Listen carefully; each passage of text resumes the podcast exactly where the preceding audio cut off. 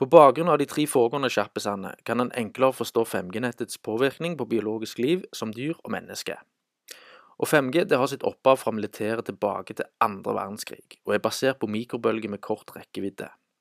Politi og militære bruker f.eks. 5G-nettet via en innretning som sender mikrobølger på spesifikk 95 GHz for massekontroll. Som f.eks. når politiet står ansikt til ansikt med demonstranter. I denne sammenheng vil ett eller flere kjøretøy ha innretninger plassert på taket eller på planet, som da stråler mikrobølger på folkemassen. Og Det gjør jo at de flytter på seg om de vil eller ei.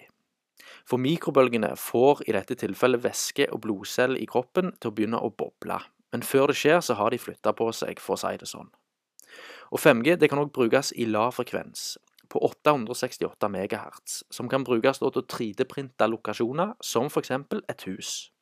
Og ved hjelp av de nye Phased Array-antennene så kan et aktuelt mål treffes uavhengig av antennens posisjon, samtidig som stråler kan konsentreres.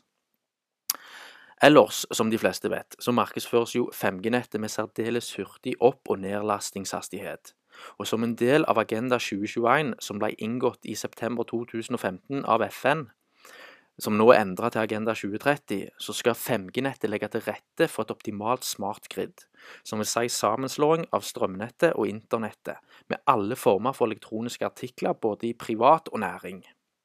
Og selve utrulleringen av 5G-nettet det gjøres uten vitenskapelige studier for påvisning av potensiell skadeeffekt eller ei.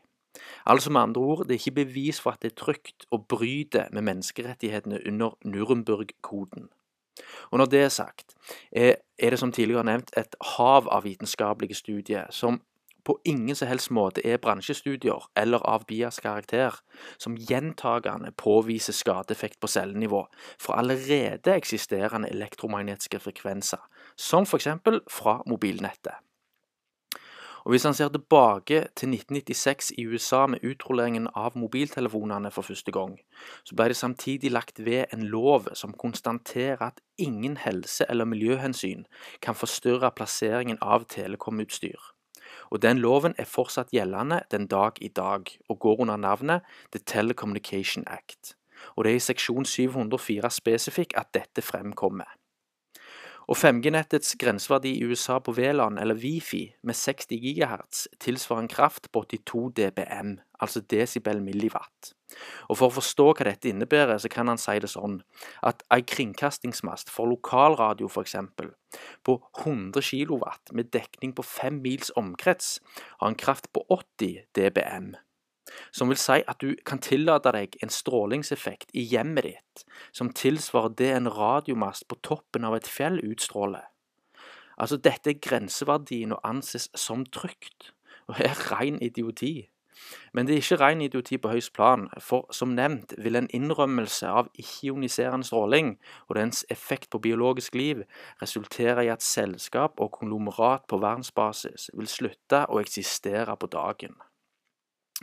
Men den største uvitenheten i denne sammenheng er at 5G-nettet i spesifikk 60 GHz stopper cellenes evne til å absorbere oksygen i kroppen, som òg er bekreftet av International Telecommunication Union sjøl.